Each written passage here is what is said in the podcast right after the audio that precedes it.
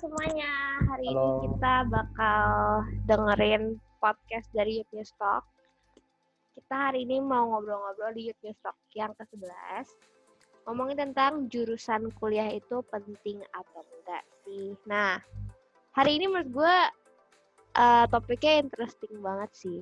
Dan hari ini yang bakal nge-host ada gue, Ivy, dan ada Koko Elim. Halo, halo. Mana Kok Elim? Halo. Ya. Oke, hari ini kita udah mengundang dua narasumber ya, Ko Elim ya, Ya, yang betul. kayaknya sangat amat berpengalaman tentang hal ini. Aduh. Oke, anyways, Mantap. kita mau memperkenalkan dulu narasumber kita. Ada Cici Clarissa. Boleh Cici Caca diperkenalkan dirinya. Halo, aku Clarissa, tapi biasa dipanggil Caca juga. Oke, Apa lagi nih? pekerjaannya sekarang umurnya umurnya aku sekarang uh, umur aku 25 tahun, ya kan? Terus aku kerja di konsultan properti gitu. Kalau Oh, dulu oke. kuliahnya S1 nggak arsitektur, eh belum ya? Ya Nggak boleh boleh boleh Boleh, boleh boleh. boleh banget boleh banget. Aku itu soalnya arsitektur, terus aku lanjut S2 di properti. Jadi kayak lebih ke built environment gitulah, bangunan-bangunan gitu. Itu Oke. deh. Baiklah. Oke lanjut ke narasumber kita yang kedua ada Cici Siska. Halo, Halo. Cici memperkenalkan dirinya. iya jadi nama aku Siska. Eh, aku dulu eh, kuliahnya di bidang desain interior. Umurnya sekarang 29 tahun, statusnya sudah menikah. Udah, itu dulu kali ya. Oke. Oke deh. Kalau gitu kita boleh masuk ke pertanyaan pertama kali ya. Yuk, boleh. Monggo. Oke. Pertanyaan pertama, dulu ambil kuliah apa? Terus ambil kuliah itu, eh, maksudnya ambil jurusan itu tuh karena senang atau disuruh waktu? Ini gimana nih? Dan eh, pergumulan kalian untuk memilih jurusan itu tuh gimana? Boleh dari Cici Siska deh. Oke, jadi aku itu dulu kuliahnya di bidang desain interior di Universitas Kristen Maranatha di Bandung. Eh, ada yang tahu nggak? Tahu, tahu. Aku tahu. Tahu pasti. Oh, tahu ya. Eh, terus eh, ini tuh aku milihnya emang atas dasar keinginan aku sendiri waktu itu. Jadi nggak disuruh orang tua. Juga kebetulan orang tua waktu itu memberikan aku bebas apa pun dan di mana pun asal di dalam negeri kayak gitu. Nah terus kenapa kuliahnya di Bandung jauh banget gitu? Jadi karena aku juga sebenarnya baru tahu kalau aku itu orangnya tipikalnya yang suka explore hal-hal baru, terus belajar adaptasi dengan lingkungan yang baru, terus seneng sama suasana yang baru yang sebelumnya tuh nggak familiar gitu. Nah, kenapa universitas itu? Nah, itu juga sebenarnya bukan karena apa-apa sih, bukan karena aku tuh mayoritas teman-temannya pada ke sana. Terus pada saat itu angkatan aku itu kayak nggak ada yang tahu itu universitas apa karena mostly kan pasti ke Jakarta gitu kan. Jadi bukan karena universitasnya keren terus bergengsi gitu. Jadi bisa dibilang cukup nekat sih karena waktu itu cuman di satu angkatan itu cuman aku sama satu teman aku di- itu. Dan sebelumnya tapi aku udah ngecek juga review-review tentang kampus itu tuh kayak apa. Terus akreditasi dari fakultas yang mau aku tuju itu seperti apa gitu. Jadi ya setengah nekat karena aku nggak tahu dan setengah lagi karena aku memang udah cari tahu juga di internet Oke, sempat ada ini nggak Ci kayak doa-doa dulu sebelum akhirnya memilih untuk kuliah keluar, apalagi nekat kan kayak sempat takut nggak sempat ber- bergumul gitu apa? Eh, waktu itu aku jujur kayak galau banget sih karena kan ini eh, benar-benar sesuatu yang harus aku putuskan dan ini tuh jauh banget dari Jakarta gitu kan. Ya orang tua sempat bingung juga kenapa nih si Siska mau jauh-jauh banget kuliahnya sedangkan di Jakarta tuh banyak banget pilihannya gitu. Aku sempat ya doa terus aku tanya-tanya juga, tanya-tanya teman, gimana sih menurut kamu aku nih cocok nggak sih sebenarnya dengan jurusan ini, terus uh, aku bisa nggak sih kira-kira keluar ngekos kayak gitu. Jadi aku selain doa, aku juga tanya-tanya uh, teman-teman aku yang terpercaya tentunya yang bisa bantu kasih feedback ke aku gitu. Oke oke. Gimana kalau Cicaca gimana? Kalau aku itu uh, kuliahnya kan di S1 arsitektur di Curtin University di Perth, Australia. Kalau uh, ditanya itu pilihan aku atau apa enggak ya, memang dari aku sendiri ya kan, karena dari orang tua kebetulan mereka juga kasih aku freedom lah mau kuliah di mana gitu. Yang penting ada pesannya sih, yang penting nanti bisa dipakai untuk berkarir gitu. Dan gak susah lah cari duitnya gitu, ya kan Nah, tapi kayak um, setelah kayak kuliah arsitektur tuh kayak ngerasa lama-lama kok kayaknya passion aku ya memang di bangunan, tapi bukan kayak exactly ngedesain gitu. Nah, baru situ aku kayak discover nih ada satu jurusan namanya property development yang pas aku di awal masuk arsitektur pun juga nggak tahu gitu loh, ada jurusan ini gitu kan. Jadi kayak setelah lulus S1, aku langsung lanjut ini, langsung lanjut S2 di property development di UNSW di Sydney gitu. Itu sih. Pergumulannya sebelum akhirnya milih ke Sydney kalau kalau tadi kan Cisiska masih dalam negeri gitu ya. Kalau Cica kan hmm. langsung keluar negeri nih. Pergumulannya hmm. tuh gimana? Pergumulan sih kalau aku pribadi sih aku emang pengen kuliah di luar sih waktu itu kebetulan karena emang pengen tahu juga gitu kayak culture di luar tuh gimana sih gitu ada perbedaan nggak gitu loh uh, sama SMA aku yang dulu di Jakarta gitu dan aku kayak emang maunya ya independen lah sama orang daripada apa uh, hidup di luar orang tua gitu kan nggak bareng orang tua istilahnya. Tapi ya pergumulannya juga di situ sih kayak maksudnya bisa nggak sih tinggal sendiri? Bukan sendiri sih cuman kayak tinggal tanpa orang tua gitu. Di usia yang waktu itu masih 16 tahun jadi college dulu gitu kan. Kayak maksudnya dari aku 16 tahun sama orang tua terus gitu kan terus tiba-tiba disuruh keluar gitu kayak bisa nggak sih gitu? Pergumulannya sih lebih ke uh, ininya sih kayak tinggalnya terus kayak ngambil jurusannya itu sendiri gitu loh kayak arsitektur kan kedengaran orang keren kan kayak wow ambil arsitektur apa segala tapi kayak sebenarnya tuh kayaknya susah gitu. Nah itu kayak something yang aku kayak ya udahlah nekat aja lah ambil aja gitu. Nanti kalau susah apa enggaknya urusan nanti gitu. Gitu sih. Wow, 16 okay. tahun sih seumur aku sekarang loh. Baru keluar aku kayak, waduh, okay. gimana? Uh, nah tadi kan nyambung dari yang Caca ya. Kan tadi dibilang katanya pas arsitektur dan dengar-dengar juga sih kalau teman-teman yang arsitektur itu kebanyakan mengeluh susah juga mungkin uh, interior pasti tiap uh, jurusan pasti punya bidang kesulitan yang masing-masing gitu ya punya kesulitan masing-masing nah itu dulu gimana uh, pernah nggak sih pernah sampai ngalamin rasanya wah kok sulit banget ya kayaknya gue salah ambil jurusan nih terus gimana uh, teman-teman overcome gitu overcome uh, hal-hal itu akhirnya bisa uh, lulus dari jurusan dari jurusan teman-teman mungkin dari Caca dulu kali ya tadi yang mungkin masih fresh gitu oh kesulitannya pas menjalani sih banyak banget ya. Kayak yang dibilang orang arsitektur nggak tidur tuh beneran nggak tidur gitu loh. Dan challenge-nya itu sendiri tuh lebih kayak aduh setiap minggu tuh kita present nih, kita present kita punya desain apa segala. Nanti kayak gurunya tuh bisa aja kayak kritik kamu kayak oh ini kurangnya this one not good apa segala terus, terus kamu harus ulang gitu loh. Jadi kayak prosesnya tuh kadang capek banget gitu.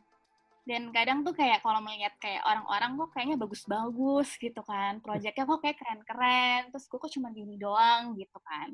Nah kayak pergumulan di diri sendiri gitu kayak kayak bener nggak sih ngambil jurusan kayak gini? Kayak bisa nggak sih? gitu loh.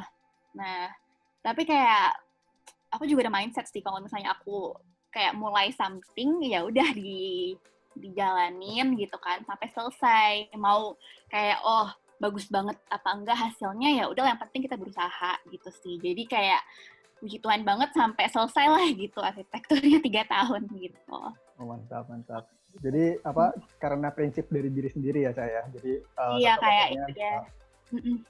Oke mantap. Selesain apa yang udah dimulai sih kalau aku. Iya iya. Ya. Kalau Cisiska gimana sih?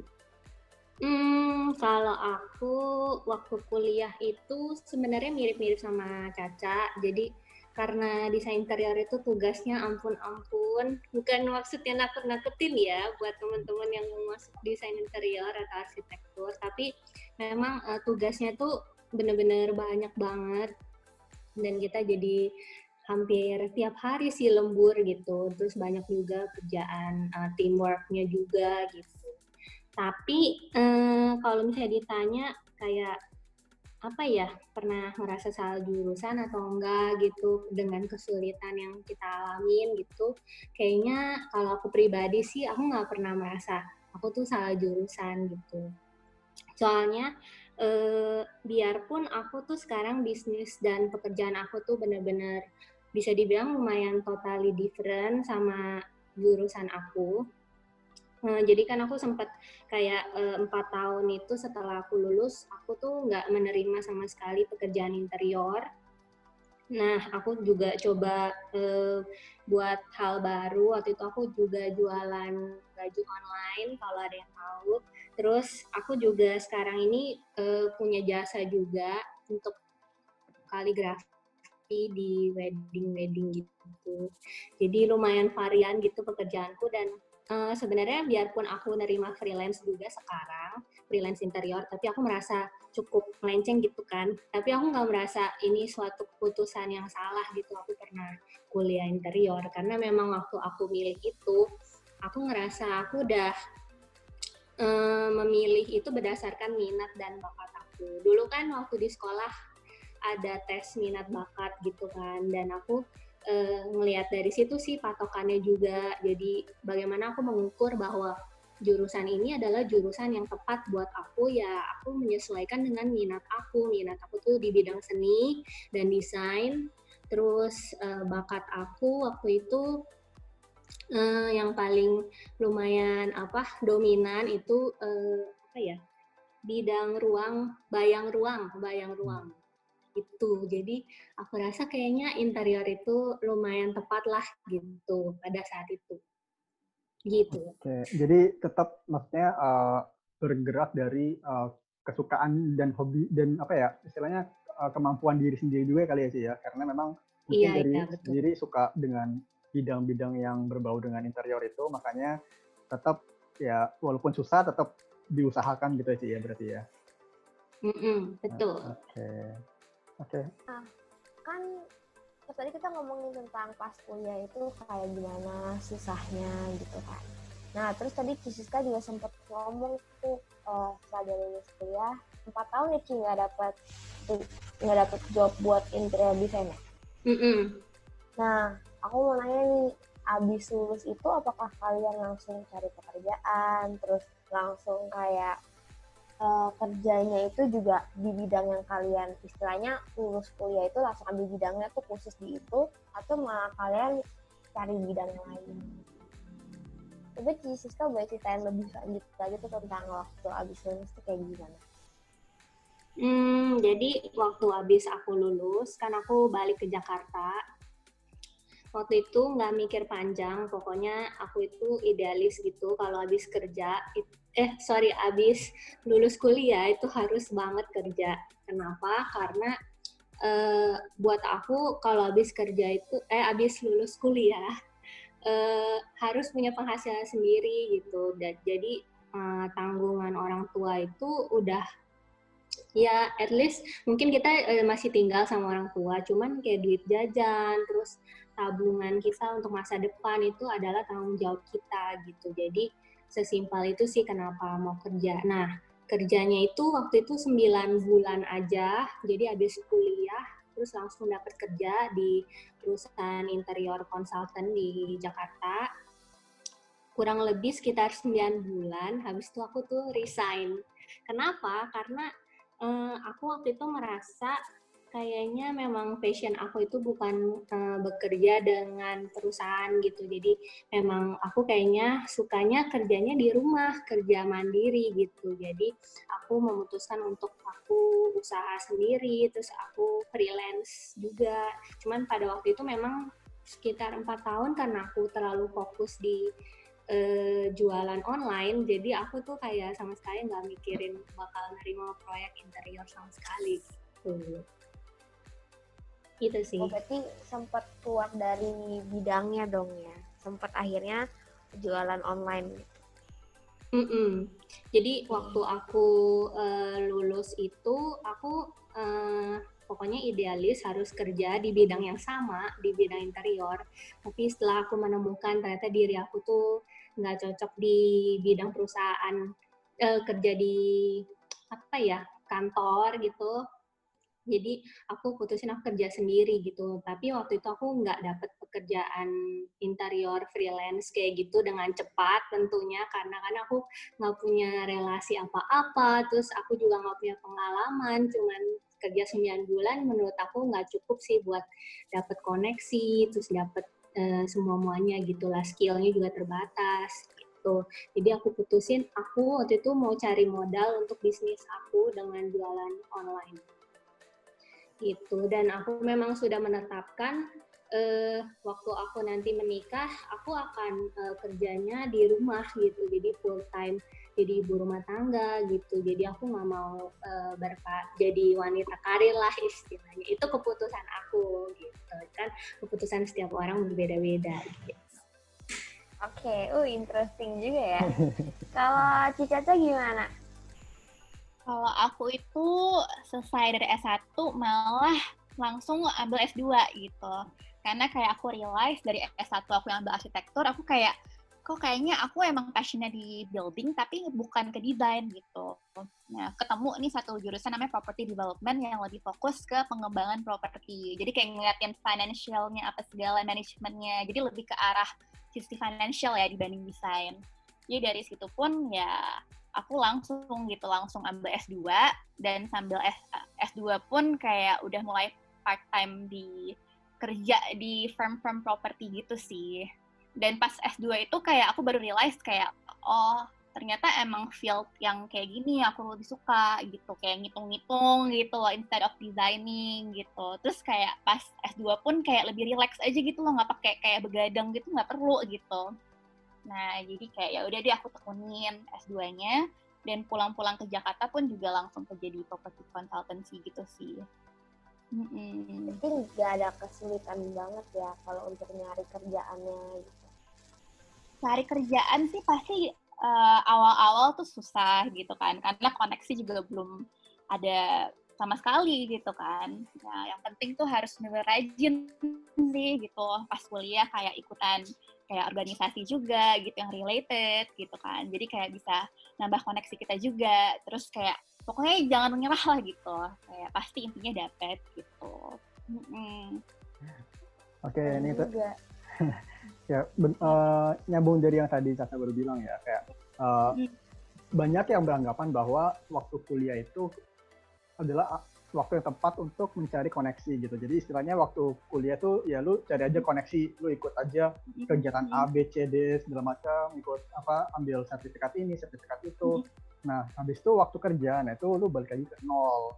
Karena ya waktu kuliah lu cuman perlu ijazah dan uh, apa namanya istilahnya uh, kenalan-kenalan tadi itu loh. Jadi apa uh, butuhnya cuman ijazah dan ya kenalan-kenalan tadi. Nah, setuju nggak sih dengan istilah itu? Apakah uh, teman-teman itu juga merasakan bahwa waktu kerja itu kembali lagi ke nol, jadi belajar lagi dari nol, apa yang teman-teman dapat di kuliah itu uh, kebanyakan itu harus uh, di apa ya istilahnya harus kayak banyak yang di uh, pelajari ulang gitu lah istilahnya gitu. Jadi ilmu yang dari kuliah itu akhirnya teman-teman sebagian besar kayak ya belajar lagi waktu di tempat kerja. Kira-kira teman-teman setuju nggak dengan hal itu? Mungkin dari Caca dulu, mungkin gimana? Kalau aku sih lebih nggak setuju kali ya. Okay. Karena menurut aku tuh kuliah nggak cuman kayak textbook doang kok, nggak cuman kayak A plus B equals C gitu loh. Kayak banyak hal-hal yang kita bisa dapetin pas kuliah juga kayak misalnya teamwork hmm. kayak presentation skills terus kayak pembuatan report cara bikin yang report yang rapi itu gimana terus bisa memenuhi brief nggak gitu. Terus cara kita bikin reportnya juga apakah ujungnya memenuhi deadline apa enggak gitu. Nah, itu semua skill tuh kepake pas nanti kita, kita ke uh, kerja gitu kan. Kayak misalnya sekarang day to day basis juga pasti kita ketemu klien kita juga bisa eh harus bisa gitu namanya presentation terus kayak memenuhi apa yang klien butuhkan gitu. Jadi kayak meskipun nih kita akhirnya uh, kuliah kerjanya nih beda nih dari apa yang kita pelajarin pas kuliah pasti ada kok gitu loh skill-skill yang kita bisa ambil gitu. Jadi mungkin kalau misalnya kayak dasar tes textbook itu bisa berubah gitu kan. Tapi kayak skill-skill yang tadi gitu loh, yang teamwork, terus kayak presentation skills itu something yang justru aku pelajarin pas kuliah gitu. Oke, jadi uh, lebih ke arah soft skill ya saya berarti yang didapat soft dari waktu waktu kuliah ya. Dan iya, uh, kayak, kenapa tadi? kalau misalnya kayak um, knowledge pun itu juga menurut aku juga lumayan kepake sih gitu. Karena mungkin kebetulan aku emang kerja something yang sesuai dengan apa yang aku pelajari pas kuliah kali ya. Jadi kayak semua yang aku pelajarin pas kuliah ya lumayan kepake sih. Okay. jadi tergantung juga sih untuk setiap orang gitu jadi tergantung field-nya gitu juga ya kita ya. Maksudnya mm-hmm. apakah uh, waktu kuliah sama waktu kerja itu jurusannya sama atau enggak gitu ya. Jadi yeah. itu juga. Oke. Okay. Kalau Cisiska gimana sih pendapat Cici tentang uh, quotes yang tadi gitu? Hmm, aku sebenarnya sama sih sama Caca. Jadi aku nggak sepenuhnya setuju sih karena uh, menurut aku, penga menurut pengalamanku, kayak nilai atau ijazah itu sebenarnya tetap penting. Kenapa? Karena itu sebagai istilahnya kayak first screening gitu loh. Jadi pedoman atau bukti eh, waktu sebelum kita dipanggil interview kerja. Jadi menurutku eh, kayak dari mana calon perusahaan yang mau kita tuju itu bisa tahu apakah kita itu benar-benar rajin, terus kita itu bekerja keras dan sebagainya. Kalau cuma sebatas tertulis di CV yang menurut pendapat kita gitu misalnya kan, kayak kita itu hardworking dan sebagainya. Jadi um, menurutku tetap penting sih gitu dan itu um, membuat kita juga memacu diri kita untuk ya berarti ketika kita kuliah dengan mata kuliah apa pun, ya kita harus memberikan usaha kita yang terbaik gitu. Karena itu yang jadi sebagai modal kita gitu first screening. Nah, uh, mungkin uh, ada beberapa perusahaan sih yang nggak terlalu melihat nilai atau ijazah kita kayak apa, tapi mungkin melihat kita uh, bagaimana kita teamwork tuh kayak gimana, soft skill kita gimana, terus bagaimana kita handle masalah dan sebagainya gitu. Nah, dunia kerja sama uh, ilmu yang kita pelajari itu menurutku memang bisa berbeda atau jujur aja sebenarnya. Setelah aku mungkin udah lulus kuliah sekitar 8-9 tahun ini, aku merasa ya nggak semua memang mata kuliah yang kita pelajarin itu benar-benar kepake semua semuanya itu di kerjaan kita nanti gitu. Baik yang uh, kerjanya mungkin berkaitan sama kuliah kita ataupun kayak aku yang sempat melenceng gitu kan.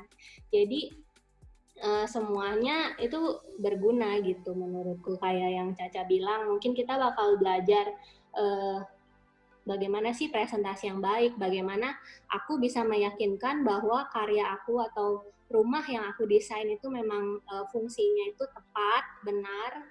Uh, nah itu kita pelajarin gitu di masa kuliah gitu. Jadi uh, dan satu lagi sih, jadi ketika kita berbisnis, kita berusaha uh, apa ya punya usaha sendiri di rumah itu juga membutuhkan uh, modal penting ya yaitu adalah skill kita gitu jadi nggak cuma semata-mata kita punya uang maka kita bisa uh, membuat suatu usaha gitu. Dulu waktu aku mulai usaha itu benar-benar modalnya nggak ada gitu. Sedangkan aku tuh punya mimpi yang besar gitu. Tapi gimana caranya ya? Aku ingat lagi sebenarnya aku punya skill yang pernah pelajari di masa kuliah sekolah dan sebagainya. Itu semua menurut aku berguna. Mantap. Jadi tetap eh, skill-skill yang ada dan knowledge yang ada dari kuliah itu tetap sedikit banyak pasti berpengaruh untuk kita waktu kerja uh, di Siska ya. Iya. Oke. Okay. Jadi ini sebenarnya aku ada pertanyaan yang mungkin lebih mengarah ke Cisiska kali ya. Tadi kan Cisiska pernah bilang uh, lulusnya uh, interior design kan, tapi mm -hmm. sempat melenceng. Nah, mm -hmm. waktu itu waktu Cici akhirnya milih untuk melenceng itu, gimana sih caranya Cici akhirnya ngeyakinin orang tua kalau ya misalkan Cici kan Cici nggak langsung lulus ya kayak ya udah nih ketemu passionnya di hal yang lain gitu itu Cici gimana caranya ngeyakin orang tua dan hmm. ya lebih ke arah yang kayak ini nih kerjaan ini tuh nggak ada istilahnya nggak ada hubungannya gitu sama yang di yang dipelajarin di kuliah ngeyakin orang tuanya tuh gimana? Jelasin gitu.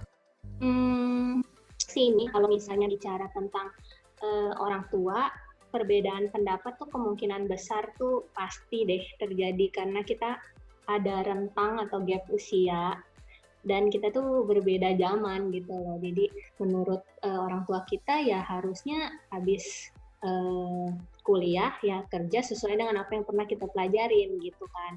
Nah ternyata kalau misalnya kayak aku gitu gimana gitu. Nah menurut pengalamanku waktu itu waktu itu aku meyakinkan orang tuaku itu untuk nggak lanjutin kerjain interior lagi, terus aku harus jualan baju.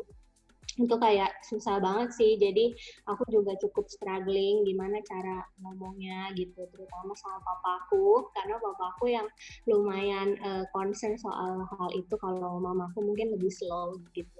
Pasti uh, kalau ada orang tua seperti gitu kan mungkin mama lebih berpihak terus papa enggak? atau sebaliknya gitu. Jadi waktu itu uh, aku cuman uh, bisa doa dulu untuk sebelum ngomong ya gitu. Terus aku berusaha meyakinkan mereka gitu bahwa semua resiko itu akan menjadi tanggung jawab aku kalau misalnya aku gagal atau eh, apa pun itulah resiko-resiko yang buruk lah istilahnya. Kalau aku susah dapat kerja lagi kalau misalnya ini gagal dan sebagainya.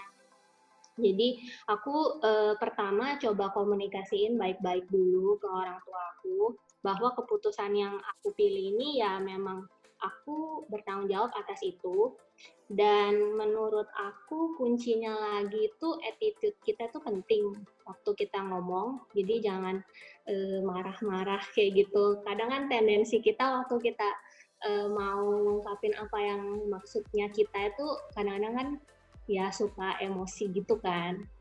Apalagi kalau orang tua kita udah belum apa-apa udah ofensif gitu. Jadi uh, apa attitude menghormati orang tua itu menurut aku penting. Jadi jangan sampai sampai ini tuh dengan apa ya dengan marah-marah.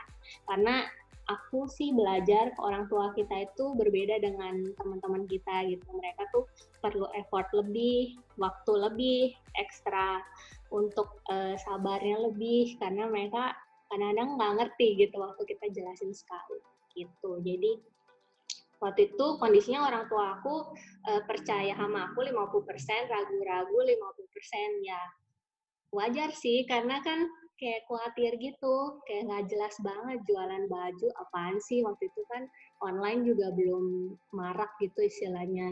Jadi kamu udah susah-susah kuliah di interior gitu harus jualan baju buat apaan gitu kan aku jelasin kalau uh, kenapa aku jualan baju ini tuh perlu gitu karena aku melihat ada potensinya. Terus sudah gitu uh, modalnya ini bisa aku gunakan lagi untuk masa depan aku. Nah terus ya aku terus meyakinkan mereka bahwa aku akan menjalankan ini sebaik-baiknya dan aku akan fokus untuk melakukannya tanpa kayak apa sih istilahnya kayak suam-suam kuku gitu kayak kadang mau kadang iya gitu. Jadi itu sih poinnya. Jadi mereka juga eh, perlahan bisa mengerti aku maksud aku dan keinginan aku gitu. Dan pada akhirnya memang puji Tuhan hasil waktu aku jualan itu lumayan baik dan orang tua aku akhirnya mulai support aku gitu. Mungkin setelah sekitar setahunan gitu ketika misalnya ada customer yang rame gitu nyariin baju-baju aku jadi mereka juga turut senang gitu Oke, kalau gitu ini ini simple, ini quick question aja sih. Jadi sebenarnya itu setuju nggak sama pernyataan kalau kuliah udah mahal-mahal, ilmunya harus kepake dong buat kerja. Nah itu Cici setuju nggak sama pernyataan itu? Hmm, nggak sepenuhnya setuju lagi kayak yang tadi. Jadi tuh eh, apa ya? Menurut aku ketika kita kuliah terus ketika kita udah bekerja itu semuanya itu ada campur tangan Tuhan gitu menurutku jadi Tuhan mau arahin kita ke mana ya sebenarnya kita harusnya ikut aja gitu ya kadang-kadang masih dicek dulu sih gitu jadi hmm, perlu uh, bergumul juga dalam doa dan juga tanya-tanya komunitas yang membangun juga gitu. Apakah decision kita itu benar gitu? Uh, terus aku cuman pengen sharing kalau sebenarnya kadang-kadang ada perasaan-perasaan kayak aku merasa bersalah gitu atas apa yang sudah aku putuskan gitu pada waktu itu ya. Kayak kenapa ya aku malah mutusin aku jualan online kayak gini? Kayaknya empat tahun ini tuh eh, empat tahun kuliah aku tuh rasanya sia-sia gitu istilahnya. Tapi setelah aku look back lagi aku merasa memang kayaknya nggak ada yang sia-sia gitu. Karena uh, proses uh, passion kita menemukan passion kita atau calling kita yang uh, mau kita kerjakan itu tuh semua berbeda-beda prosesnya gitu. Yang nggak selalu mulus terus langsung uh, celing gitu langsung clear gitu. Kita benar-benar tahu abis kita kuliah kita akan kerja di A abis di A aku akan kerja di B kayak gitu itu tuh uh, menurut aku nggak kayak gitu uh, pada realisasinya gitu. Jadi bagi aku nggak ada masalah sama sekali kalau mungkin uh, pekerjaan atau bisnis aku sekarang atau kita sekarang nggak ada hubungannya sama sekali sama kuliah kita dulu gitu.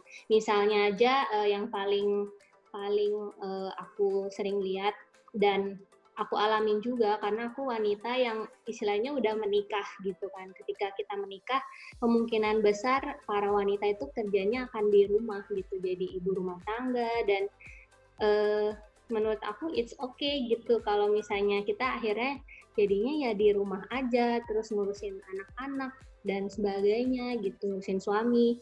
Jadi jangan pernah sedih kalau kita ngerasa kita pernah milih jalan itu, milih jurusan itu, terus akhirnya kita nggak kerja di bidang itu. Menurutku semua itu eh, apa?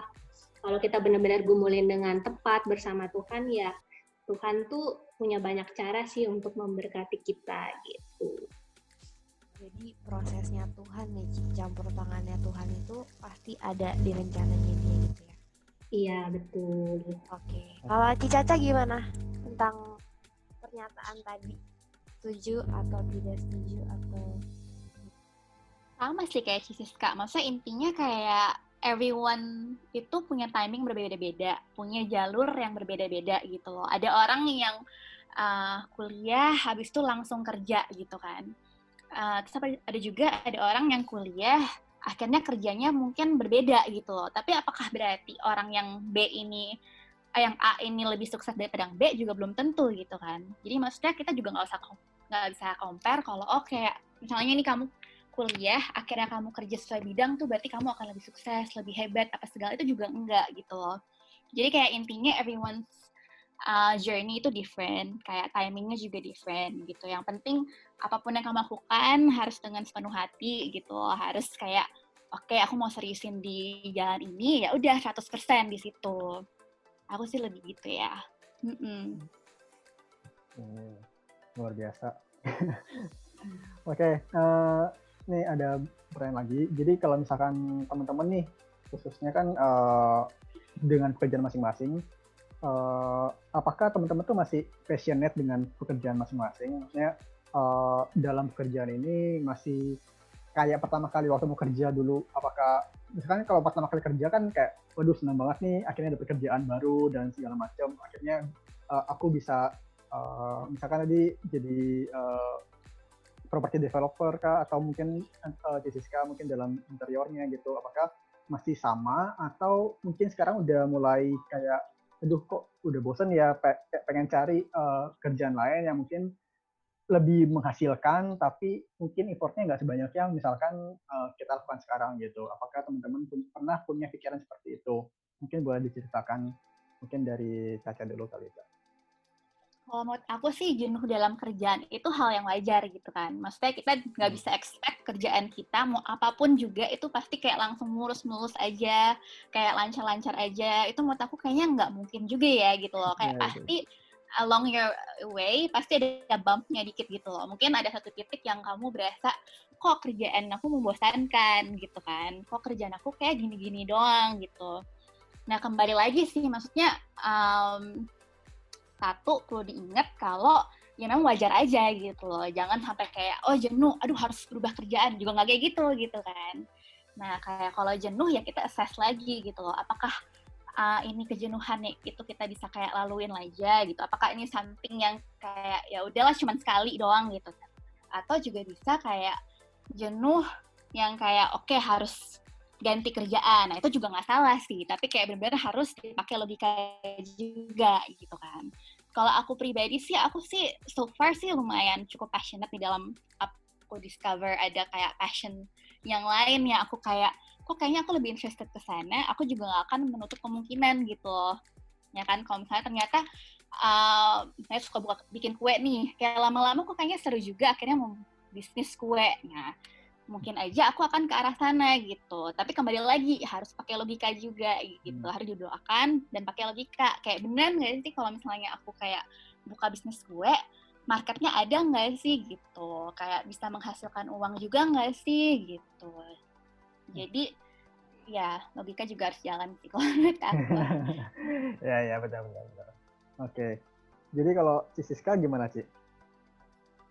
Aku sebenarnya mirip sih sama Caca dan sebenarnya kejenuhan itu udah aku alamin kayak berkali-kali gitu. Jadi mulai dari aku kenapa aku resign ya sebenarnya karena aku jenuh ya mungkin karena aku nggak sesuai gitu. Jadi aku coba cari tahu lagi sebenarnya aku mesti ngapain ya gitu. Ketika aku jualan baju sebenarnya e, bisa dibilang lumayan baik gitu, tapi aku merasa kayaknya ada relung hati aku yang lain kayak mengatakan ini kayaknya bukan bukan uh, sesuatu yang aku harus pertahankan terus gitu. Aku harus coba skill baru yang lain. Maka aku belajar kaligrafi juga gitu. Jadi uh, aku punya uh, prinsip di dalam diri aku bahwa kita tuh nggak bisa terlalu apa ya di titik beratkan diri kita tuh di satu bidang tertentu gitu. Jadi kalau misalnya uh, kita belajar skill lain ternyata kita uh, bisa menguasai itu dan bisa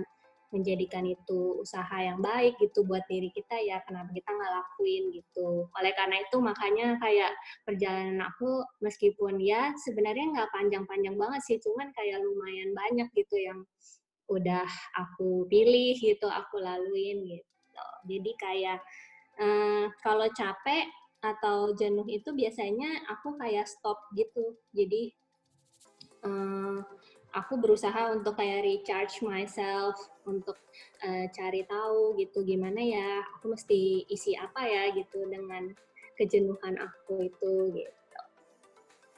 Oke. Nah, pertanyaan satu pertanyaan terakhir nih buat uh, Siska dan Caca. Uh, buat teman-teman sendiri nih, apakah sekarang posisi sekarang nih dengan uh, kerjaan masing-masing, apakah uh, teman-teman merasa bahwa ini udah ada udahlah istilahnya udah final, udah sesuai dengan uh, rencana Tuhan dalam hidup teman-teman gitu? Apakah benar-benar pekerjaan yang sekarang lagi digeluti itu udah istilahnya udah yang the best gitu? Uh, atau mungkin teman-teman punya uh, perasaan yang lain gitu? Atau mungkin uh, pekerjaannya sekarang itu belum gitu, belum sampai uh, ke titik yang misalkan teman-teman impikan gitu. Dan tahu dari mana apakah pekerjaan yang sekarang itu udah sesuai dengan kemauan Tuhan atau belum? Mungkin dari Siska dulu sih. Oke, kalau misalnya gimana cara tahu bahwa jurusan yang kita ambil atau pekerjaan yang kita jalanin ini uh, udah sesuai dengan plan Tuhan, Uh, pertama sih uh, menurut pengalaman aku, aku waktu milih jurusan itu kayak pertama aku doa dulu kayak yang aku ceritain, aku kayak minta hikmat Tuhan. Uh, soalnya aku nggak pengen apa ya aku milihnya tuh asal-asal gitu loh. Jadi jujur emang ngegalauin banget masa-masa itu. Kayak harus sebenarnya aku sempat uh, kepikiran uh, jurusan lain juga yaitu psikologi. Waktu itu uh, udah sempat daftar juga di Untar. Tapi akhirnya aku pilih desain interior. Terus uh, apa ya aku pilih berdasarkan uh, talenta yang aku rasa kayaknya emang Tuhan percayain buat aku gitu. Jadi aku pengen uh, pakai talenta itu ya buat pekerjaan aku dan kehidupan aku seterusnya gitu. Dan ketika milih jurusan itu menurut pengalamanku lagi kayak aku nggak bisa memilih itu berdasarkan uh, paksaan paksaan baik orang tua ataupun siapa pun itu teman-teman. Itu karena kan uh, waktu kita zaman remaja atau pemuda itu waktu mau memilih jurusan kuliah itu kan berdasarkan uh, jujur aja dulu kayak sempet lihat gitu orang-orang yang pintar di kelas atau saya teman-teman aku yang lumayan nilainya tinggi gitu. Kuliah di mana sih? Jurusan apa sih? Gitu. Jadi kayak ikut mainstream gitu loh Nah, jadi hmm, aku lihat kayaknya kita nggak bisa milih dengan cara seperti itu karena itu akan menyiksa diri kita juga kalau itu nggak sesuai dengan calling kita atau bakat kita gitu. Terus uh, kalau milih pekerjaan itu sebenarnya lebih banyak lagi aspeknya lebih luas lagi menurutku. Uh, kita mesti uh, cek dulu apakah uh, sebenarnya sih intinya di setiap proses itu waktu kita mau pilih kuliah, pilih uh, kerjaan itu semua pilihan kita itu berdasarkan uh, kemauan Tuhan juga. Jadi kita mesti baca firman Tuhan juga isi otak kita, isi hati kita tuh dengan hal-hal yang baik gitu. Jadi jangan sampai kita uh, melihat pilihan itu baik karena orang lihat itu baik gitu. Jadi aku kerja di sini karena e, menurut A ini kerjaannya bergengsi, gajinya tinggi atau apa gitu. Tapi di dalam hati kita sebenarnya itu bukan sesuai dengan passion kita juga, bukan berdasarkan apa yang Tuhan pengen kita kerjain gitu. Nah, jadi aku ngelihat intinya yang e, mau kita putusin itu Eh, kita mesti lihat sih apakah kita membuat kita semakin berkembang secara skill kita, terus iman kita kepada Tuhan juga. Jadi jangan sampai buat kita jauh daripada Tuhan. Terus kalau uh, apa himnya itu biasanya aku ngerasa kalau aku udah nggak ada damai gitu biasanya uh, aku gelisah gitulah intinya. Jadi aku ngerasa kayaknya Tuhan pengen aku ngerjain ini gitu. Jadi be wise, terus be true to ourselves gitu, jangan ngikutin orang gimana atau kebanyakan kadang-kadang kegalauannya zaman sekarang aku ngerasanya e, ngelihat sosmed gitu, misalnya ada orang yang bilang kayak gini bagus, terus oke okay, itu jadi patokan kita gitu. Jadi e, kalau ditanya sesuai banget atau enggak dengan plan Tuhan, jujur aku nggak tahu 100% karena kita nggak pernah tahu plan Tuhan itu seperti apa gitu.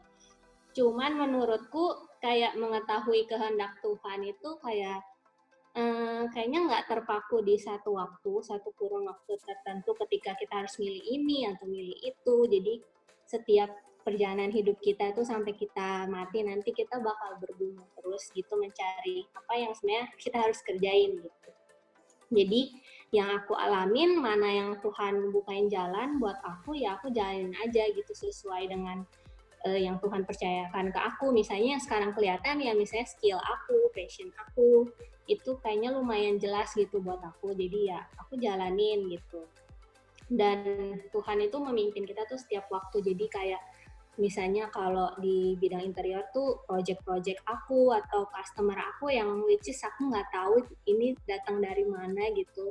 Ya itu aku rasa Tuhan yang kirimin dan aku rasa memang Tuhan pengen aku ngerjain itu. Jadi ya udah aku jalanin aja. Jadi sesimpel itu sih sebenarnya.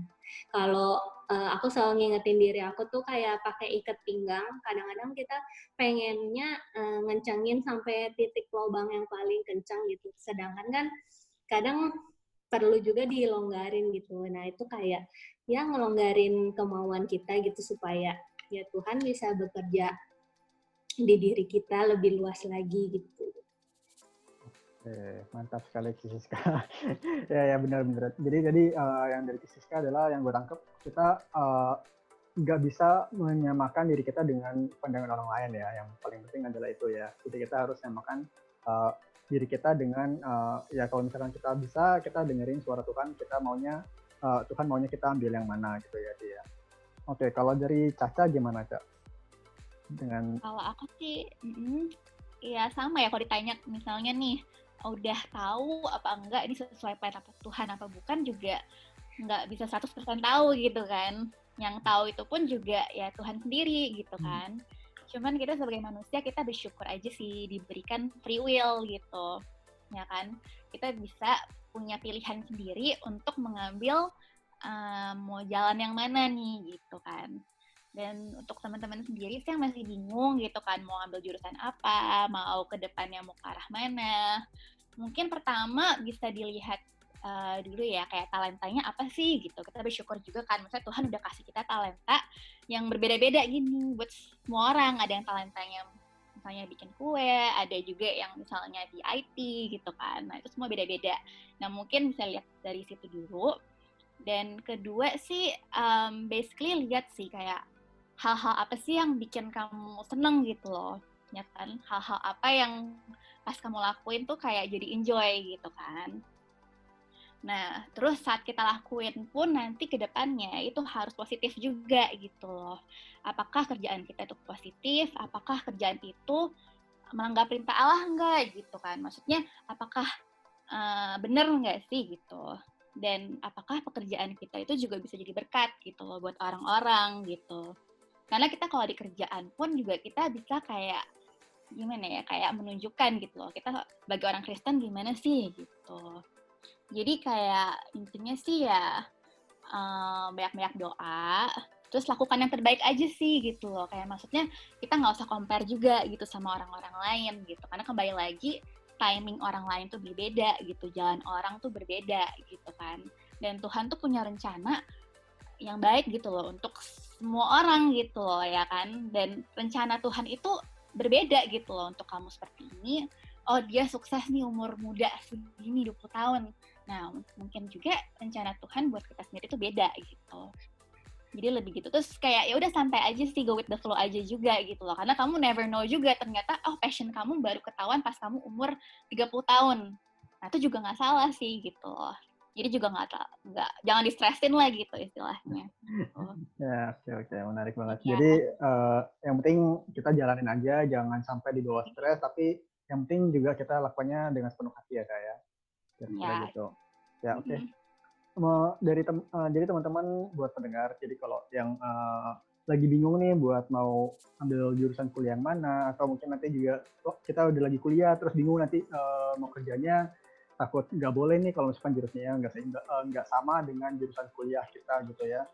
Yang dari pesan dari teman-teman ini sih hari ini ada tiga sih mungkin yang uh, eh, gue bisa uh, bisa ringkaskan. Yang pertama adalah carilah uh, jurusan uh, apa pun itu yang membuat kalian tetap dekat dengan Tuhan, yang nggak membuat kalian jauh dari Tuhan gitu ya. Lalu yang kedua, apa pun jurusan itu membuat kalian bisa bertumbuh dan berkembang jadi diri sendiri gitu. Dan yang terakhir adalah apa pun jurusannya tetap harus melakukan yang terbaik. Karena kita nggak tahu apa apa dan kapan kita akan uh, dikasih oleh Tuhan dikasih tahu oh ini passion lu ternyata gitu. Kira-kira dari uh, kita hari ini seperti itu. Thank you buat Siska, thank you buat Caca, thank you buat Ivy juga semuanya yang udah dengerin juga thank you. Kita sampai ketemu di uh, episode podcast berikutnya. See ya.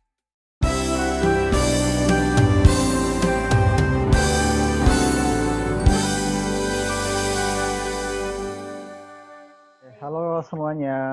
Halo hari ini. Halo. Kita... Halo. Halo. Hola. Malam, malam. Eh, ya malam. Ya, kapan pun teman-teman mendengarkan inilah ya. Selamat pagi, ya, siang, betul. sore, malam. Uh, kita hari ini sampai di Youth News Talk episode ke-12. Dan hari ini kita sudah kedatangan teman-teman kita dari Youth yang akan uh, menjadi tamu untuk kita ajakin ngobrol bersama-sama. Nah sekarang ini gue juga uh, gue Elim hari ini ditemani oleh Ko Martin. Seperti episode pertama kalau masih pada ingat. Tapi enggak kok, ini kita uh, guestnya bukan Vicky sama Angjay lagi, tenang saja. Kita nggak bahas tentang iya. bucin-bucinan lagi. kita hari iya. ini, tapi kita tetap membahas tentang seputar uh, kasih gitu ya. Nah, kita hari ini sama gue hari ini sama Ko Martin. Halo Ko Martin. Halo Elim. Nah, Halo okay. semua. Halo semuanya. Nah, kita, kita mau menyapa dulu ya, kok uh, teman-teman yang menjadi tamu hari ini. Uh, boleh memperkenalkan diri dari Presi, Jos, si Abel. Halo semua, saya Presi. Oke, halo Presi. Terus sekarang Jos. Halo, halo, halo. Nah, gue Jos. Halo, Jos. Oke, sekarang si Abel. Halo guys, aku Chandra Annabella. Oke. Semuanya udah pada kenal ya suaranya para tamu kita. Nah, hari ini kita akan membahas satu topik yaitu seputar topik yang cukup ini sih sebenarnya cukup hangat dibicarakan di kalangan anak-anak muda yaitu tentang self love. Nah, kita hari ini uh, ngomongin tentang orang Kristen boleh nggak sih self love? Nah, kita bakalan bahas nih sama teman-teman yang ada di sini semuanya. Oke, okay. nah kita akan sambil apa namanya uh, pemanasan lah ya. Jadi teman-teman pernah nggak sih kayak dengerin atau apa ngelihat postingan-postingan di sosial media tentang self love gitu-gitu? Kan belakangan kan banyak banget nih yang kayak uh, apa intinya kayak wah uh, kita harus uh, love yourself atau apa segala macam. Pernah nggak atau gimana teman-teman ketika melihat postingan-postingan seperti itu apa yang teman-teman pikirkan? Ini banyak banget nih kalau kalau teman-teman lihat di apa sosial media di Instagram segala macam itu banyak banget kata-kata uh, postingan yang berhashtag self love. Ini ada 44 setengah m yang berhashtag uh, postingan yang berhashtag self love. Ini salah satu contohnya ya, misalkan to heal a wound, you need to stop touching it, kayak gitu lah kira-kira kata-katanya. Uh, every weight has a word, Nah, habis itu macam-macam ya kata-katanya ini. Kayak today's moon affirmation, I live my day with purpose, passion, and powerful action. Intinya ya eh, kata-kata yang membuat kita itu menjadi istilahnya uh, self care, self love. Kita uh, jangan menyakiti diri sendiri atau uh, udahlah cukup jangan sampai apa namanya keributan di dunia ini membuat kita menjadi semakin pusing dengan uh, menyalahkan diri sendiri kayak gitu gitulah kira-kira. Teman-teman pernah nggak kira-kira ngelihat postingan-postingan seperti itu? Nah nggak pernah ya? Pernah. Mm -hmm. lalu? Nah iya uh, tanggapannya gitu iya tanggapan uh, honest apa uh, opinion kalian tentang kata-kata ini? Apakah oh iya benar ya atau ya separuh benar separuh salah atau kira-kira gitu? Kayaknya sih tergantung kata-katanya sih kalau gua sih. Hmm. tergantung kata-katanya misalkan emang bener nah benernya kan juga kalau sekarang ini kan sangat relatif bener itu ya. Maksudnya apa yang menjadi kita punya pegangan aja sih menurut gua sih Lim kayak gitu. Oke. Kalau gua uh, gimana ya? Gimana cara kita nanggepinnya tuh bisa beda-beda sih. Soalnya kalau hmm. love yourself itu gimana ya? Kalau misalnya ya kita perlu love ourselves gitu kan. Untuk mengenjoying life better. Tapi kadang-kadang kalau bisa berlebihan itu jatuhnya lebih jadi ke egoisme terhadap diri sendiri gitu. Jadi ya tetap harus tahu batas gue pernah inget sih kalau misalnya untuk self love itu uh, quotes yang nggak tahu yang yang pas gue pikir-pikir lagi nih sekarang baru kepikiran tuh you have to love yourself before you can love others. Mm-hmm. Nah, yeah, yang yeah. pernah yang pernah nyantol, yang saat ini nyantol ya. Mm-hmm. Ya yeah, benar nyantol. Oke. Okay. Kalau Ciabel, aku malah kepikiran uh, lagu Justin Bieber Love Yourself. Okay.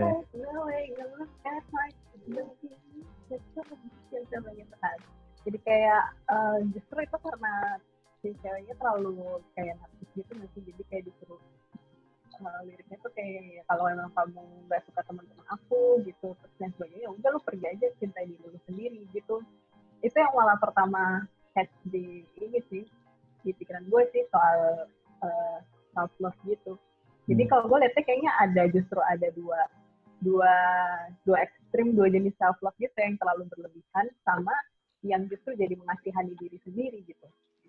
Hmm. Hmm. Jadi ada yang ekstrim, ekstrim kanan, ekstrim kiri ya. Oke. Okay. Uh, eh, nah, kalau misalkan menurut teman-teman sendiri, uh, ya self love itu kira-kira apa sih?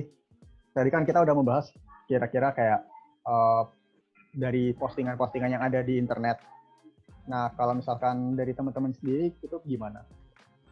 Uh, atau teman-teman bahkan pernah pernah juga kayak istilahnya ngepost atau ikutan apa namanya nge-like gitu atau ya repost atau gimana gitu. Atau bahkan bikin bikin quote sendiri tentang self love. Bikin quote sendiri sih nggak pernah ya. Hmm. kalau nggak tanggung ya, ya.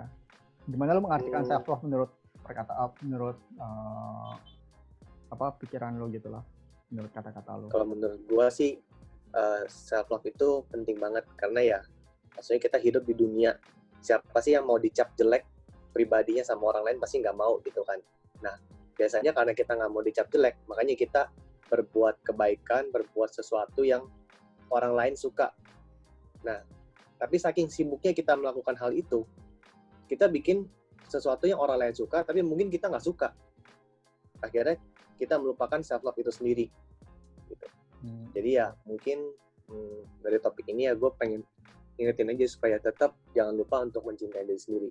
Ini gue lagi lihat Google nih. Ada yang bagus. To fall in love with yourself. Kelihatan dari kacamata lu in love with yourself is the first secret to happiness. Oh, iya. iya. Hmm. Ya.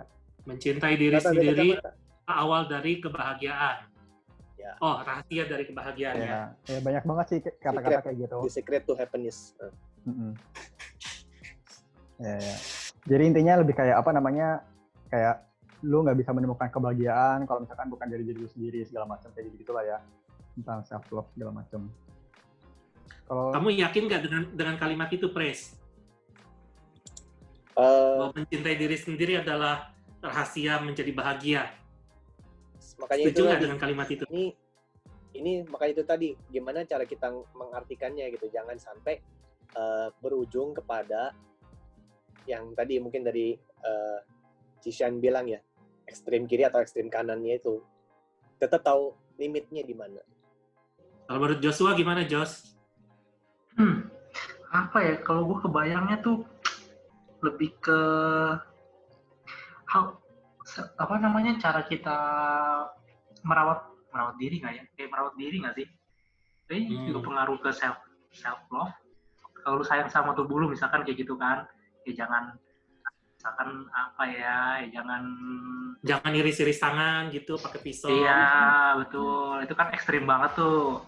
Yeah. hmm, jangan pencet-pencet jerawat jadi, uh, jadi maksudnya yang yang yang sesimpel sesimpel misalkan makan jangan makan sembarangan kayak gitu kan. Nanti kan efeknya kan pasti bukan nggak sekarang nanti gitu. Jadi lu harus ya aware sama lu punya diri lu sendiri tubuh lu gitu kan. Nah kalau kalau yang ke misalkan tadi kan kayak jasmani banget kan kalau misalkan ke misalkan ke psikologi misalkan gimana ya misalkan uh, tentang hubungan antar sesama gitu kan Nah itu gimana self, cara kita uh, gimana bisa uh, sayang sama orang kalau kita pun belum menyayangi diri kita sendiri gitu. Itu yang kepikiran hmm. gua sih. Oke, okay. uh, berkaitan dengan uh, kita nggak bisa sayang sama orang tuh kalau kita nggak sayang sama diri sendiri. Nah, Ciabel mau tambahin? Jadi ini ya berbanding lurus ya berarti cinta ke orang dan cinta ke diri sendiri harusnya berbanding lurus gitu ya berarti ya ya, ya. Gitu hmm. berarti.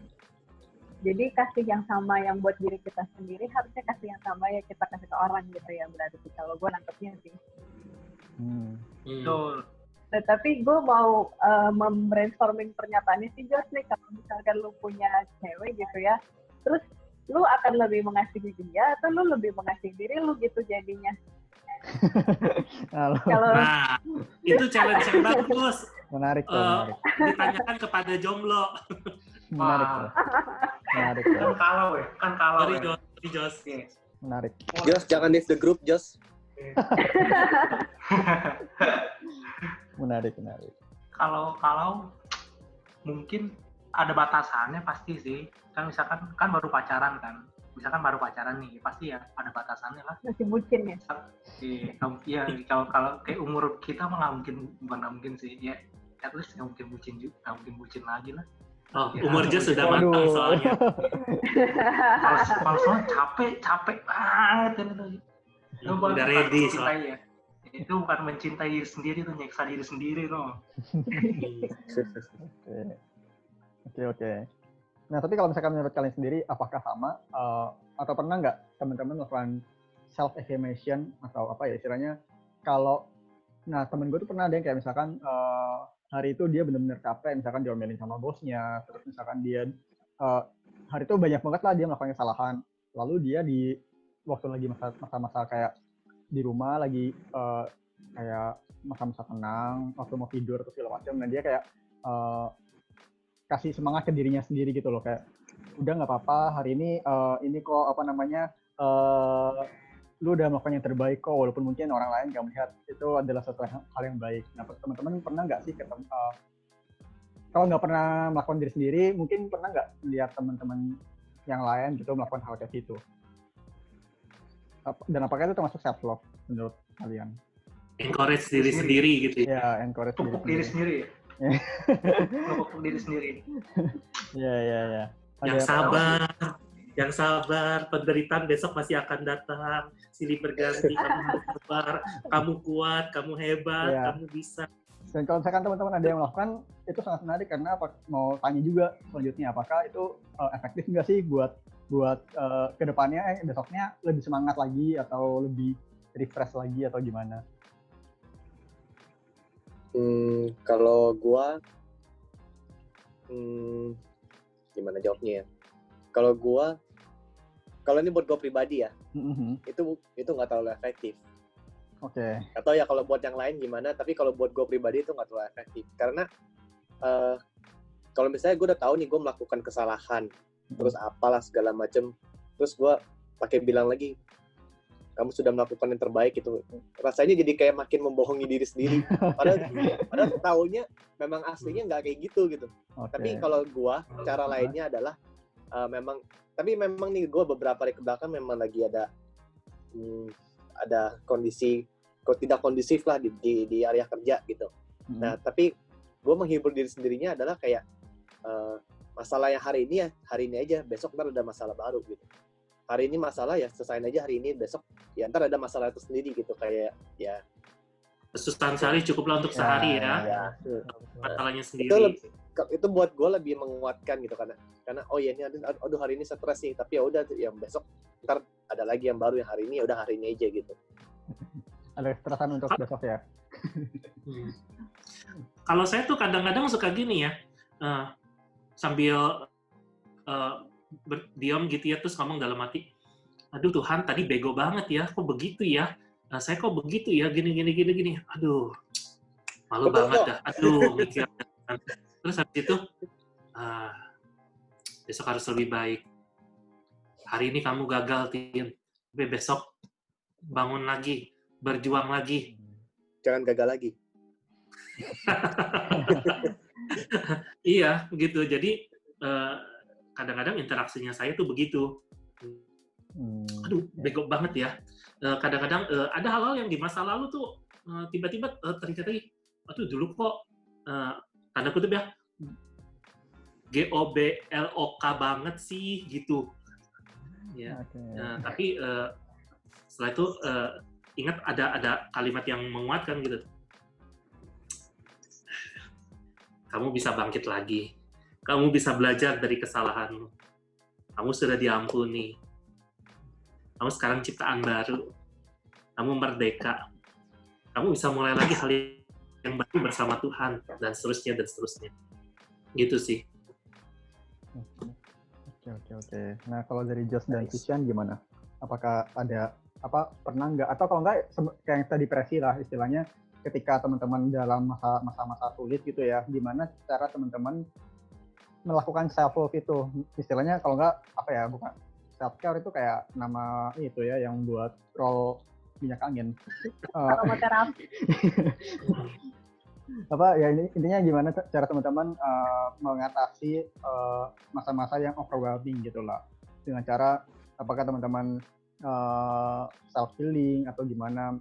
Maksudnya uh, ya itu tadi dalam menguatkan diri sendiri. Apakah teman-teman juga ada kalanya baca-baca tulisan-tulisan yang kira-kira relate nih sama kondisi saat saat begini nih? Misalkan wah gue di apa di kantor lagi banyak banget cepat masalah nih. Nah terus habis itu ketemu tiba-tiba di tulisan tulisan-tulisan yang kira-kira menguatkan gitu. Apakah teman-teman kayak gitu atau bagaimana? Dulu Cishan paling enak kalau ngelanjutin kan Jos paling enak sebelum ditembak menembak duluan.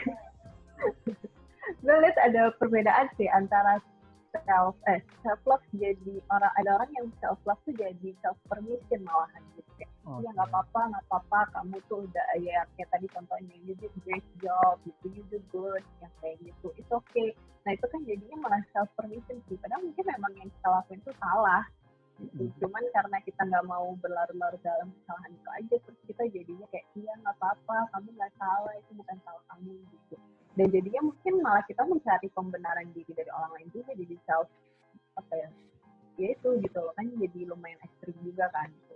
itu self uh, self permissive jadinya gitu. atau malah jadi uh, ya balik lagi gue lihatnya jadi ada ekstrim yang lain lagi gitu jadinya kayak uh, aduh kok gue ini ya uh, itu uh, GBLK banget gitu. Terus kayak yang tadi kemarin contohin gitu aduh harusnya gue nggak begini gitu. Dan terus habis itu malah berdiam atau dwelling di kesalahan yang itu gitu.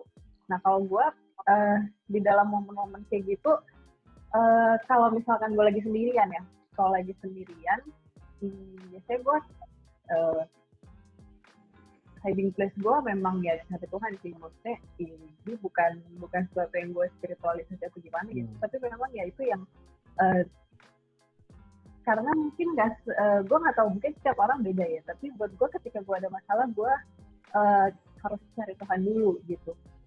Karena gue merasa uh, kalau gue cari yang lain tuh cuma nambah masalah doang gitu. Gue nggak perlu dengerin pendapat orang dulu gitu. Kalau dengerin pendapat orang tuh kadang jadi malah ada orang yang malah bikin kita jadi self permissive gitu. Enggak lah bukan salah lu. Atau malah orang lain yang bikin gue jadi self blaming ya sih lu gimana sih? Lah makin makin bersalahnya makin besar. Ini gara-gara dia gitu, nih. kan? kalau nggak gara-gara dia lu kan nggak bakalan begini. Iya bener tuh ya kayak gitu kan. Malah nambah-nambah dosa ya nak gitu kan. Iya, jadi gibah iya jadi gibah malah jadi makin berat ya dosa dosanya gitu. Jadi gue sih memilih untuk uh, ya udah ini gue punya masalah sama orang tapi gue akan selesaiin berdoa sama Tuhan dulu gitu. Dan tulisan yang gue baca tidak lain dan tiga bukan gue akan membaca Alkitab gitu. Dan apa yang, yang gue selalu baca kitab Mazmur gitu. Mungkin buat teman-teman yang dengerin atau yang ini nonton atau dengerin ya apalah gitu. Nanti teman-teman tuh kalau baca Mazmur itu isinya tuh semua perasaan itu ada di dalam Mazmur gitu. Mau lu sedih mau lu marah mau lu tersiksa mau lu lagi uh, apa pun itu semua ada di dalam Mazmur gitu. Lu tinggal cari aja nomornya 1 sampai 150 gitu. Ya you read it gitu. Itu benar-benar buat gue sih itu mengafirmasi kegagalan gue tapi sekaligus membuat gue bangkit lagi gitu. Mantap mantap thank you Kishan nah lo bingung kan lu Jos mau nambahin apa Jos Iya, udah diambil. Ya. Pusing kan lu? Pusing kan Gimana coba mau nambahin apa? pertama deh. Udah gua yang ini deh, gua yang jawaban itu kan tadi, wih rohani banget, bukan rohani banget sih emang itu yang yang seharusnya ideal state-nya kan ya, kita harus cari Tuhan dulu. Dan misalkan kalau gua misalkan lagi bener-bener mumet gitu, ya pulang, uh, ini sih kalau gue sendiri sih gue berenang sih kayak dalam air gitu kayak nenangin diri dalam air. Gitu jadi kayak bener-bener nenangin dulu. Nyampe jangan apa pecah gitu loh lu punya kepala kan gara-gara stres gitu kan. Udah lu bener. lu biarin dulu aja lah. Jangan lihat handphone jangan lihat apa. Udah gue gue udah main aja gitu kan. Hmm. kayak keluar dari dunia gitu. Ada ada tenang keluar baru ada satu-satu. Kalau misalnya belum bisa kelar kan besok lagi aja udah gitu aja sih kalau gua jadi ya lu cari waktu cara lu menenangkan diri sih. Jangan jangan reaktif jangan reaktif. Gitu. Kalau gue tidur Jos biasanya. Ah tidur mana bisa? Lu stres kepikiran kali. Eh tapi gue gitu loh. Kalau stres gue malah ada tidur aja lah. Beforenya itu loh. Sebelum waktu tidurnya itu lo nah, kalau kalau misalkan habis misalkan habis berenang itu kan capek kan. Nah, bisa bisa bisa langsung tidur. Iya iya kita masih kalau kita habis apa bener-bener lagi kayak pusing gitu loh nggak bisa pasti kepikiran terus kalau gua iya iya benar-benar gua juga tipe tipe tipe yang kayak gitu nggak bisa tidur kalau udah masalah pusing nggak yeah. bisa tidur yang ada lu begadang sampai jam 4 pagi baru bisa tidur yeah, yeah. Ke Martin suaranya nggak kedengeran. Ke mute kok. Ke mute kok. Saya nggak bisa tidur kalau lapar. Wah, beda beda cerita. beda cerita. Eh tapi benar loh ya, kalau kita lagi banyak pikirannya, kita kita kita um, sulit sulit untuk untuk untuk tidur. Karena semua pikiran berkecam, berkecamuk kan.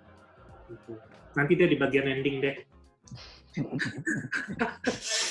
kesimpulan eh, kalau ya. kalau gue tapi beneran loh kalau misalnya lagi stres kadang memang gue malah tidur tapi maksudnya tidurnya benar-benar tidur buat uh, sementara gitu ya kayak misalnya setengah jam gitu. Ntar bangun tuh kayak refresh sendiri. Serem bener kok selamanya. Sleeping beauty dong. Maksudnya kalau udah bangun tuh malah jadi kayak lebih Fresh, lebih ya? refresh aja gitu. Otaknya jadi udah tahu nih oh abis ini jadi langsung tahu apa yang prioritas gitu. Tapi kalau misalnya lagi stres benar-benar kayak semua ketumpuk. Cuma yeah. ya tahu ngerti sih ada masa-masanya pernah juga saking stresnya sampai susah tidur tuh pernah juga gitu hmm. sama cewek ya Pres Waduh. Jangan di sini dong. Di sini. Salah channel. Salah channel. Kalau kalau gue sendiri sih lebih sering kayak ya selain apa namanya yang tadi uh, tentang ideal state-nya ya kalau gue sendiri kayak lagi ada masalah misalkan kemarin kayak waktu lagi bingung banget kayak harus ambil keputusan misalkan waktu kemarin mau resign dari kantor segala macam itu kan bener-bener pusing banget ambil pikirannya ya. Itu gue kayak bisa bener-bener kayak pasang pasang headset puter-puter di CP bisa hampir dua jam kali. Jalan terus kelilingin CP sambil sambil denger lagu. Sambil apa ya ya ya nggak tahu sih kayak kalau gue sih cara cara cara ininya gitu. Soalnya kan kalau di CP kan nggak panas jadi nggak keringetan tapi tetap jalan. Jadi ya sambil sambil apa namanya refreshnya begitu sih oke. Nah habis itu tadi kan teman-teman udah sempat kayak ngomongin nih ada ekstrim kanan ekstrim kiri ekstrim tengah atas bawah lah. Nah itu uh, menurut teman-teman kira-kira gimana sih batasan-batasan yang konkret yang bisa dilakukan untuk uh, khususnya kan teman-teman nih kalau misalkan kita lihat gitu ya anak-anak muda itu banyak banget yang uh, begitu menggandrungi self love itu jadi kayak apa apa self love apa apa self love apa uh, uh, sedikit langsung larinya ke self love apa segala macam. Nah itu teman-teman ada nggak sih kira-kira batasan-batasan uh, yang kira-kira cocok nih bisa diterapkan juga untuk kita tuh boleh ambil self love ini tindakannya sampai sejauh mana sih gitu? Misalkan yang tadi batasan ya misalkan lu misalkan ngomongnya kita pas posisi salah ya misalkan hmm. salah ya berarti lu tahu lu salah ya udah cukup tahu dan lu belajar dari itu gitu loh batasannya jangan nyampe lu nyeksa diri buat apa kan gitu kan nah, terus misalkan uh, misalkan lu lu posisinya benar tapi orang yang nyalain lu ya lu eh, apa ya ya harus apa sih bahasa itunya ber berlapang dada ya? berlapang dada kah berjiwa besar. Oh, berjiwa besar ya berjiwa besar. Maksudnya ya ya udah terima aja gitu. Maksudnya batasannya makanya ya jangan ya tadi gue bilang itu jangan jangan apa sih berlebihan berlebihan jangan bereaksi berlebihan tuh ini itu sih. jangan baper ya. Iya baper baper ya baper juga sih. Iya baper ada itu sih kalau ada parameter ada ada range range-nya sih sebenarnya. Hmm. Tapi kita tahu kita tuh tahu kita baper pas kita udah baper masalahnya. Oh iya benar. iya iya iya iya. Kata-katanya batasannya ya batasannya jadi udah udah baper ya udah baper nah kalau dari itu hmm, kalau dari Presi atau Syabel gimana ada nggak sih kira-kira berpesan konkret kita boleh sampai sejauh mana nih uh, hitung ini sebagai self love atau kalau udah lebih nih ya berarti kita udah salah gitu istilahnya. Tindakan ini udah salah. Gitu. Misalkan tadi yang Ciabel bilang kayak uh, apa membenarkan diri sendiri mencari pembenaran. Nah ini kalau misalkan udah terlalu sampai tahap mana sih kita boleh atau sampai tahap mana kita udah mulai uh, ini udah ngaco nih, udah ekstrim banget nih kayak gitu kayak gitu gitulah kira-kira. Konteksnya itu self, maksudnya konteksnya itu self love itu kan kayak apa ya melakukan sesuatu yang kita suka gitu kan? Iya. Uh Cuman kalau tadi yang dibahas itu kan kayak misalnya kita melakukan salah, kita berjiwa besar segala macam itu. Mm-hmm.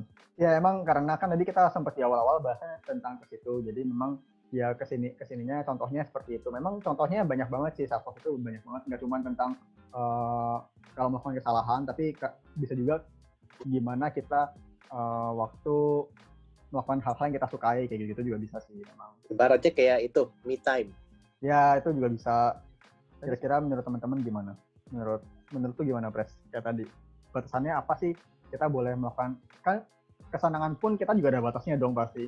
Nggak mungkin kesenangan kita kita ya udah karena ini gua untuk self love ya ya udah.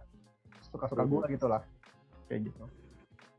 Batasnya kalau menurut gua itu misalnya kayak kita udah terlalu hektik terus kita mencari something yang buat kita kita suka gitu ya untuk self love gitu untuk untuk me time lah gitu istilahnya mm -hmm. cuman ya kalau menurut gue batasannya itu harus tahu uh, sampai titik mana me time-nya itu produktif.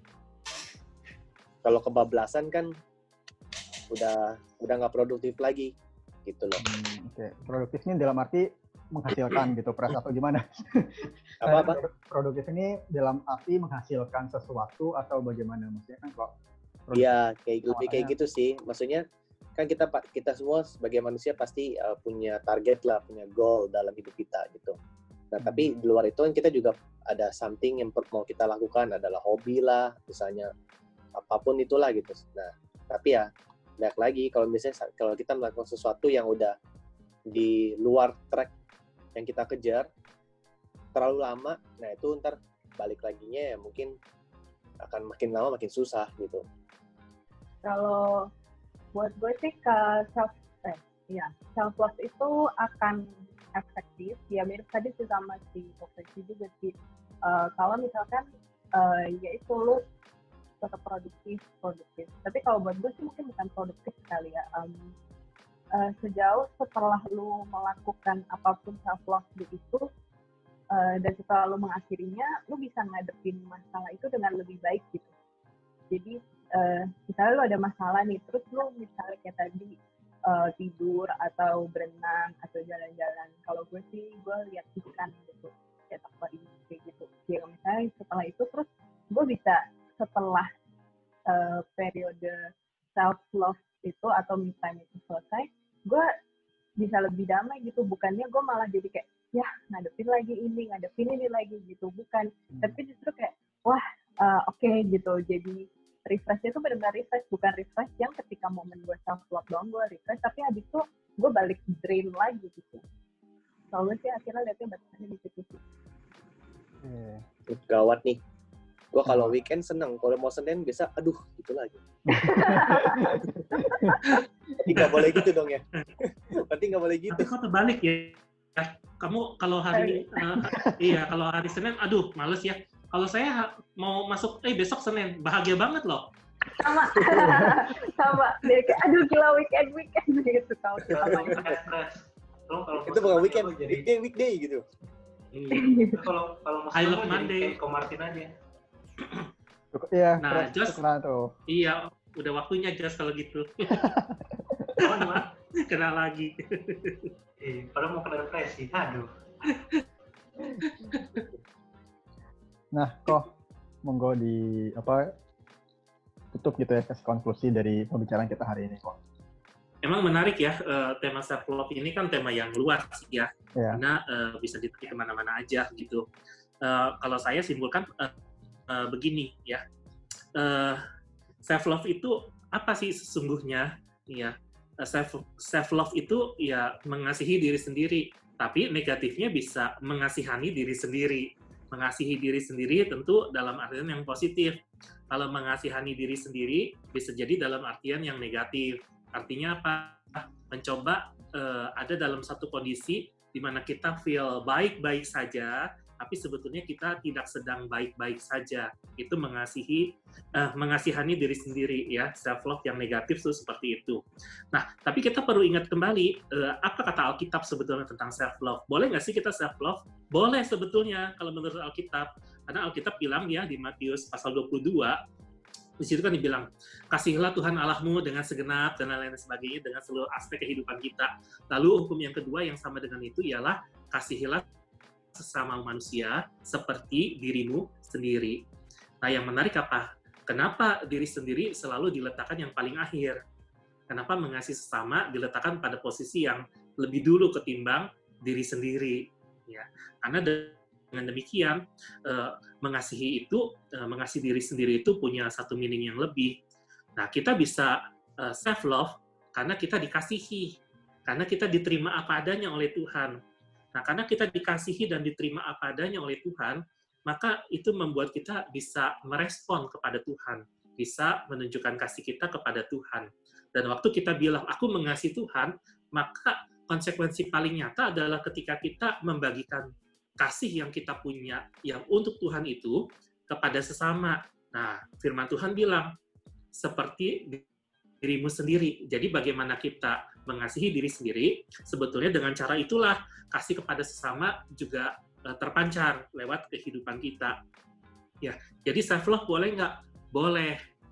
Kenapa? Karena sebagai orang percaya kita adalah orang-orang yang sudah dikasihi oleh Allah, sehingga kita bisa mengasihi diri sendiri dengan cara yang benar. Kasihnya diletakkan pada tempat yang semestinya, bukan mengasihani diri atau menilai diri terlalu berlebihan atau kekurangan, tapi di dalam Tuhan kita mendapatkan kecukupan cinta sehingga kasih kepada diri sendiri itu tidak menjadi satu yang justru malah bertentangan dengan self love-nya sendiri yaitu jadi apa? Self harm ya. Ya jadi se sesuatu yang menghancurkan uh, diri sendiri. Nah mungkin uh, yang menarik uh, pengkalimatan begini ya. Kita bisa mengasihi diri sendiri karena kita adalah orang-orang yang telah dikasihi oleh Allah. Nah, karena kita telah dikasih oleh Allah, kita bisa mengasihi diri sendiri. Oleh sebab itu, kita juga bisa mengasihi sesama manusia. Nah, batasannya sampai di mana sih? Apakah self-love itu berguna bagi diri sendiri? Lalu batasan berikutnya mungkin, apakah itu berguna bagi sesama? Apakah itu konstruktif? Tentu saja self-love itu harus menjadi sesuatu yang konstruktif. Tadi teman-teman udah bilang kan ya, itu harusnya buat refresh, ya untuk menyegarkan kita kembali, untuk menikmati kasih Allah di dalam hidup kita, uh, untuk mengingat kembali bahwa kita ini berharga di mata Tuhan dan bahwa apa uh, kita ini nggak bisa apa-apa tanpa Tuhan, kita memerlukan Tuhan. Jadi tempat pertama untuk kembali selalu kepada Tuhan. Nah, ketika kita uh, mengalami Tuhan di dalam keheningan, ketika kita mengalami Tuhan di dalam kesendirian kita, di dalam ketidakberdayaan kita bahkan, kita mencoba untuk uh, balik lagi kepada apa yang menjadi jejak kakinya Tuhan, maka uh, itu akan membawa satu refreshing, ya, refreshing rohani tentu akan membawa sebuah uh, kemampuan untuk refreshing jasmani, refreshing mind juga begitu, ya, sehingga uh, itu menjadi satu hal yang sangat konstruktif sekali, bukannya justru malah menjadi satu hal yang menghancurkan, berguna bagi diri sendiri, berguna bagi sesama, dan batasan paling ininya, apakah self love kita itu memuliakan Allah atau enggak? Kan apakah tujuan utama manusia hidup dalam dunia ini? Untuk menikmati Allah dan memuliakan Dia sampai selama-lamanya. Jadi kalau kita hari ini mengasihi, uh, mengasihi diri sendiri, misalnya, aduh aku stres, uh, aku uh, menyenangkan diriku sendiri, memuaskan diriku sendiri, main game, makan, dengar musik, nonton dan sebagainya, itu berguna nggak bagi diri sendiri? Apakah setelah nonton kita refresh atau justru beban-beban itu cuma sekedar uh, di skip aja sementara ya. Lalu uh, beban itu kita tumpuk lagi. Apakah itu berguna bagi sesama? Uh, apakah itu mendorong orang lain untuk mengenal dan memahami kamu dengan lebih utuh dan membuat kamu mengenal dan memahami orang lain dengan lebih utuh? Atau justru malah membuat apa uh, kamu mempunyai satu dunia tersendiri yang orang lain akhirnya nggak bisa masuk dan kamu uh, juga nggak bisa menjangkau mereka. Yang terakhir, apakah itu memuliakan Allah? Ya, apakah dengan yang kita lakukan itu Allah senang nggak dengan apa yang sedang kita lakukan itu? Nah, jadi uh, apakah mengasihi uh, mengasihi diri sendiri itu uh, baik? Kalau itu memuliakan Allah, maka genapilah ya jalankanlah apa yang menjadi firman Tuhan, kasihilah sesama manusia. Itu bukti bahwa kamu sedang self love. Dan itu juga bukti bahwa kamu sedang loving God. Ya, jadi uh, pada waktu kapan sih kita self love? Ya pada waktu kita sedang showing our love to God and show, showing our love to others. Ya, pada waktu itu kita sedang self love. Ya, self love itu nyata kasihilah sama manusia seperti dirimu sendiri. Ya, kalau cuma sekedar tujuannya fokus sama diri sendiri, kepentingan diri sendiri, uh, keutamaan diri sendiri, egois, nggak mau peduli apa kata orang, bodoh amat, yang penting aku happy, yang penting aku senang, suntuk hilang segala macam itu menurut saya bukan self love sih. Dan menurut saya itu bedanya self love Kristen dengan self love non Kristen. Self love non Kristen selalu tujuannya untuk kepentingan diriku sendiri. Tapi self love-nya Kristen pada waktu kita membagi hidup kita dengan sesama, walaupun itu mungkin kita kehilangan satu yang nampaknya paling berharga dalam hidup kita, tapi kalau itu berdampak dalam kehidupan orang, ya menjadi berkat, maka self love itu menjadi satu self yang berguna, gitu. Nah, jadi uh, kurang lebih demikianlah kuliah malamnya. Oke oke oke. Menarik banget ya, ya teman-teman. Uh, ya jadi uh, itu lima Ya, menarik banget teman-teman tentang uh, pembahasan self love itu. Masih banyak sih sebenarnya karena self love ini memang topiknya luas banget hari ini aja kita memang membahasnya lebih dari sisi uh, mengasihani diri sendiri.